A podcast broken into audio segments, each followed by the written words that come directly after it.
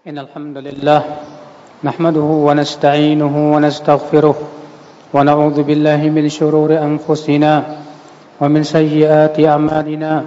من يده الله فلا مضل له ومن يضلل فلا هادي له. وأشهد أن لا إله إلا الله وحده لا شريك له. وأشهد أن محمدا عبده ورسوله. قال الله تعالى في كتابه الكريم يا أيها الذين آمنوا اتقوا الله حق تقاته ولا تموتن إلا وأنتم مسلمون. وقال تعالى يا أيها الذين آمنوا اتقوا الله وقولوا قولا سديدا يصلح لكم أعمالكم ويغفر لكم ذنوبكم. ومن يطع الله ورسوله فقد فاز فوزا عظيما. أما بعد فإن أصدق الحديث كتاب الله وخر الهدي هدي محمد صلى الله عليه وسلم وشر الأمور محدثاتها وكل محدثة بدعة وكل بدعة ضلالة وكل ضلالة في النار. أمة الإسلام Subhanahu wa taala menurunkan Islam sebagai kemuliaan bagi pemeluknya. Mengutus Rasulullah SAW untuk memberikan kebahagiaan kepada mereka dunia dan akhiratnya. Dan menurunkan Al-Quran, demikian pula wahyu berupa hadis sebagai pembimbingan dalam kehidupan. Karena Allah telah memberikan manusia akal untuk berfikir, maka Allah menurunkan Al-Quran supaya mereka mentadaburinya. Allah berfirman, "Afala yatadabbaruna al-Qur'an am 'ala qulubin aqfaluha?" Tidakkah mereka mentadabir mentadaburi Al-Qur'an ataukah di hati mereka ada kunci-kuncinya? Umat al-Islam, siapapun yang mempelajari Al-Qur'an, siapapun yang mempelajari hadis Nabi sallallahu alaihi wasallam, Pasti Allah akan muliakan ia di dunia dan akhirat. Tapi siapa yang berpaling dari Al-Quran dan hadis, ia pasti akan Allah hinakan di dunia dan akhirat. Maka tiada lain kewajiban setiap hamba adalah untuk senantiasa berpegang kepada dua perkara ini. Rasulullah SAW bersabda, Taraktu fikum syai'aini atau amrain Ma in tamassaktum bihima lan tadillu kitabullah wa sunnati. Aku tinggalkan untuk kalian dua perkara. Selama kalian berpegang kepada dua perkara ini, kalian tidak akan tersesat selama-lamanya. Yaitu kitabullah dan sunnahku kata Rasulullah SAW. Maka ya akal Islam, tidak ada kebahagiaan di dunia ini kecuali dengan berpegang kepada dua perkara. Al-Quran dan Sunnah Rasulullah Sallallahu Alaihi Wasallam sesuai dengan apa yang dipahami oleh para sahabat Rasulullah Sallallahu Alaihi Wasallam dan itulah jalan keselamatan. Siapa pun yang yang ingin selamat tapi mencari jalan selain jalan Al-Quran dan Hadis maka ia pasti tersesat. Sebaliknya siapa yang ingin mencari kebahagiaan tapi ia mencari selain Al-Quran dan Hadis sebagai sumber kebahagiaan, ia tak akan pernah berbahagia selama-lamanya. Umat al-Islam. Namun untuk berpegang kepada Al-Quran dan Hadis tidaklah mudah. Karena membutuhkan kepada kekuatan iman dan ketakwaan. Membutuhkan keyakinan yang kuat kepada Allah Jalla Jalaluhu. Berapa banyak orang yang membaca Al-Quran, membaca hadis, namun karena keyakinan ia yang kurang kepada Allah karena keimanan ia kepada Allah sangat kurang sekali. Di samping itu terdapat di hatinya penyakit-penyakit. Sehingga akhirnya Al-Quran dan hadis tidak lagi menjadi obat buat dia. Akan tetapi menjadi sesuatu yang menyeret ia ke dalam api neraka. Oleh karena itulah Allah Ta'ala mengkisahkan tentang orang-orang munafikin. Yang mereka menyembunyikan kekafiran. Memperlihatkan keimanan. Allah berfirman wa idza ma unzilat surah faminhum man yaqulu ayyukum zadathu hadhihi imana apabila diturun diturunkan surat dari Al-Qur'an di antara orang-orang munafik itu ada yang berkata, siapa yang bertambah keimanannya dengan diturunkan surat tersebut?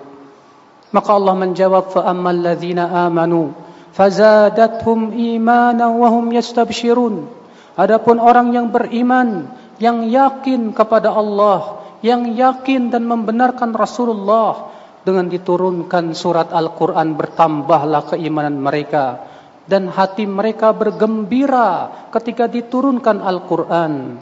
Wa ammal ladzina fi qulubihim marad. Adapun kata Allah, orang-orang yang ada di hatinya penyakit kemunafikan, fazadathum rijsan ila rijsihim. Maka bertambahlah dengan ayat Al-Qur'an tersebut, dengan Allah turunkan surat Al-Qur'an tersebut, bertambahlah penyakit yang ada di hatinya di samping penyakit yang ada semakin bertambah penyakitnya dengan Al-Quranul Karim. Maka celaka ya akal Islam, seorang yang ternyata hatinya bertambah penyakitnya dengan Al-Quran, karena kurangnya keyakinan ia kepada Allah, kurangnya keyakinan ia kepada hari akhirat, dan kurangnya yakin akan kebenaran Rasulullah sallallahu alaihi wasallam. Maka ya umat al-Islam, siapa pun yang ingin mengikuti Al-Quran dan hadis hendaklah yang ia lakukan pertama ia bersihkan hatinya dari berbagai macam noda dan kotoran maksiat karena noda dan kotoran maksiat menyebabkan ia lemah lemah untuk mengikuti Al-Quran dan hadis Nabi Sallallahu Alaihi Wasallam penyakit-penyakit cinta dunia, penyakit kesombongan, penyakit kedengkian menyebabkan ia tidak bisa menerima hidayah dari Al-Quran dan hadis Nabi Sallallahu Alaihi Wasallam.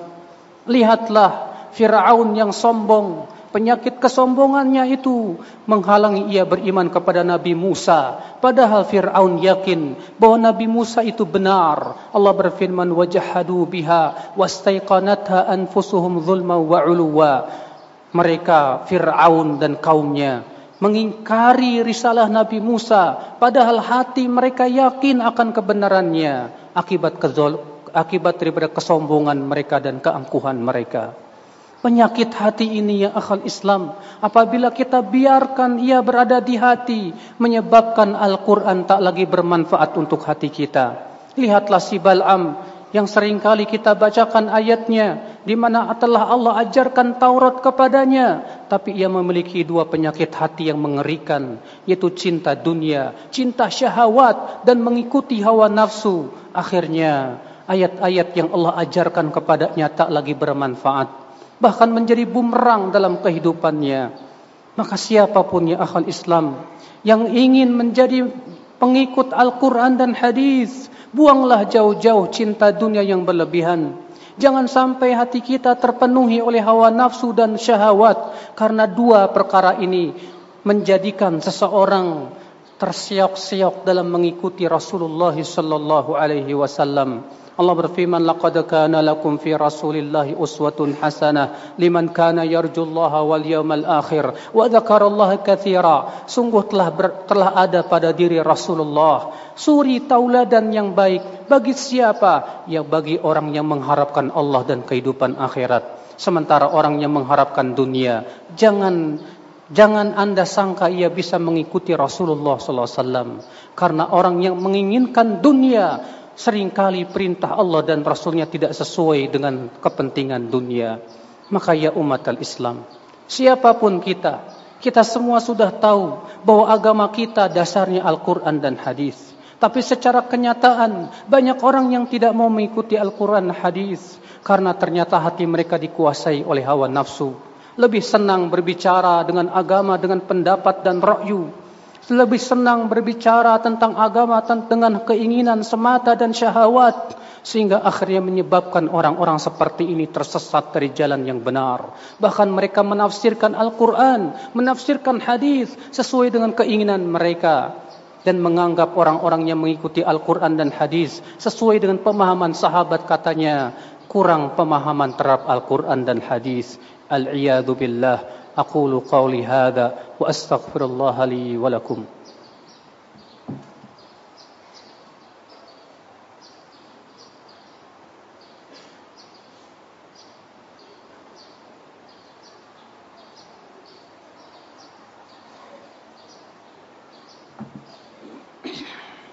الحمد لله والصلاة والسلام على رسول الله نبينا محمد وآله وصحبه ومن والاه واشهد ان لا اله الا الله وحده لا شريك له واشهد ان محمدا عبده ورسوله امه الاسلام oleh karena itulah Allah menyebutkan bahwa Al-Quran itu hidayah untuk manusia. Namun tidak semua manusia bisa mengikutinya. Yang mengikutinya hanyalah orang-orang yang bertakwa. Allah berfirman Alif Lam Mim. Dalikal kitabu la raiba fih. Hudal lil muttaqin. Alif Lam Mim. Itulah Al-Quran yang tidak ada padanya keraguan sedikit pun padanya. Hudan sebagai hidayah lil muttaqin untuk orang-orang yang bertakwa. Dalam ayat yang lain Allah menyebutkan hudan linnas, hidayah untuk manusia.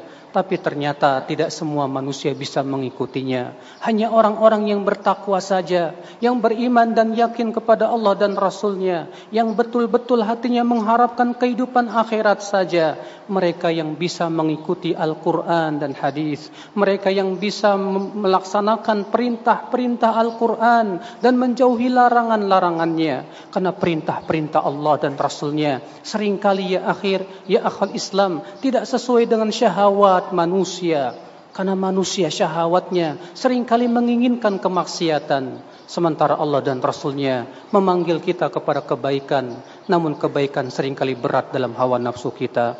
Allahumma salli ala Muhammad wa ala ali Muhammad kama sallaita ala Ibrahim wa ala ali Ibrahim innaka hamidum majid. وبارك على محمد وعلى آل محمد كما باركت على إبراهيم وعلى آل إبراهيم. إنك حميد مجيد. اللهم اغفر للمسلمين والمسلمات والمؤمنين والمؤمنات الأحياء منهم, منهم والأموات. إنك سميع قريب مجيب دعوات. اللهم أصلح ولاة أمورنا يا رب العالمين. اللهم أصلح المسلمين في هذا البلد وفي سائر بلاد المسلمين يا رب العالمين. اللهم أرشد شباب المسلمين ووفقهم لما تحب وترضى يا رب العالمين. اللهم تب علينا إنك أنت التواب الرحيم. عباد الله إن الله إن الله يأمر بالعدل والإحسان وإيتاء ذي القربى وينهى عن الفحشاء والمنكر والبغي يعظكم لعلكم تذكرون. فاذكروا الله العظيم يذكركم واشكروه على نعمه يزدكم. ولا ذكر الله أكبر.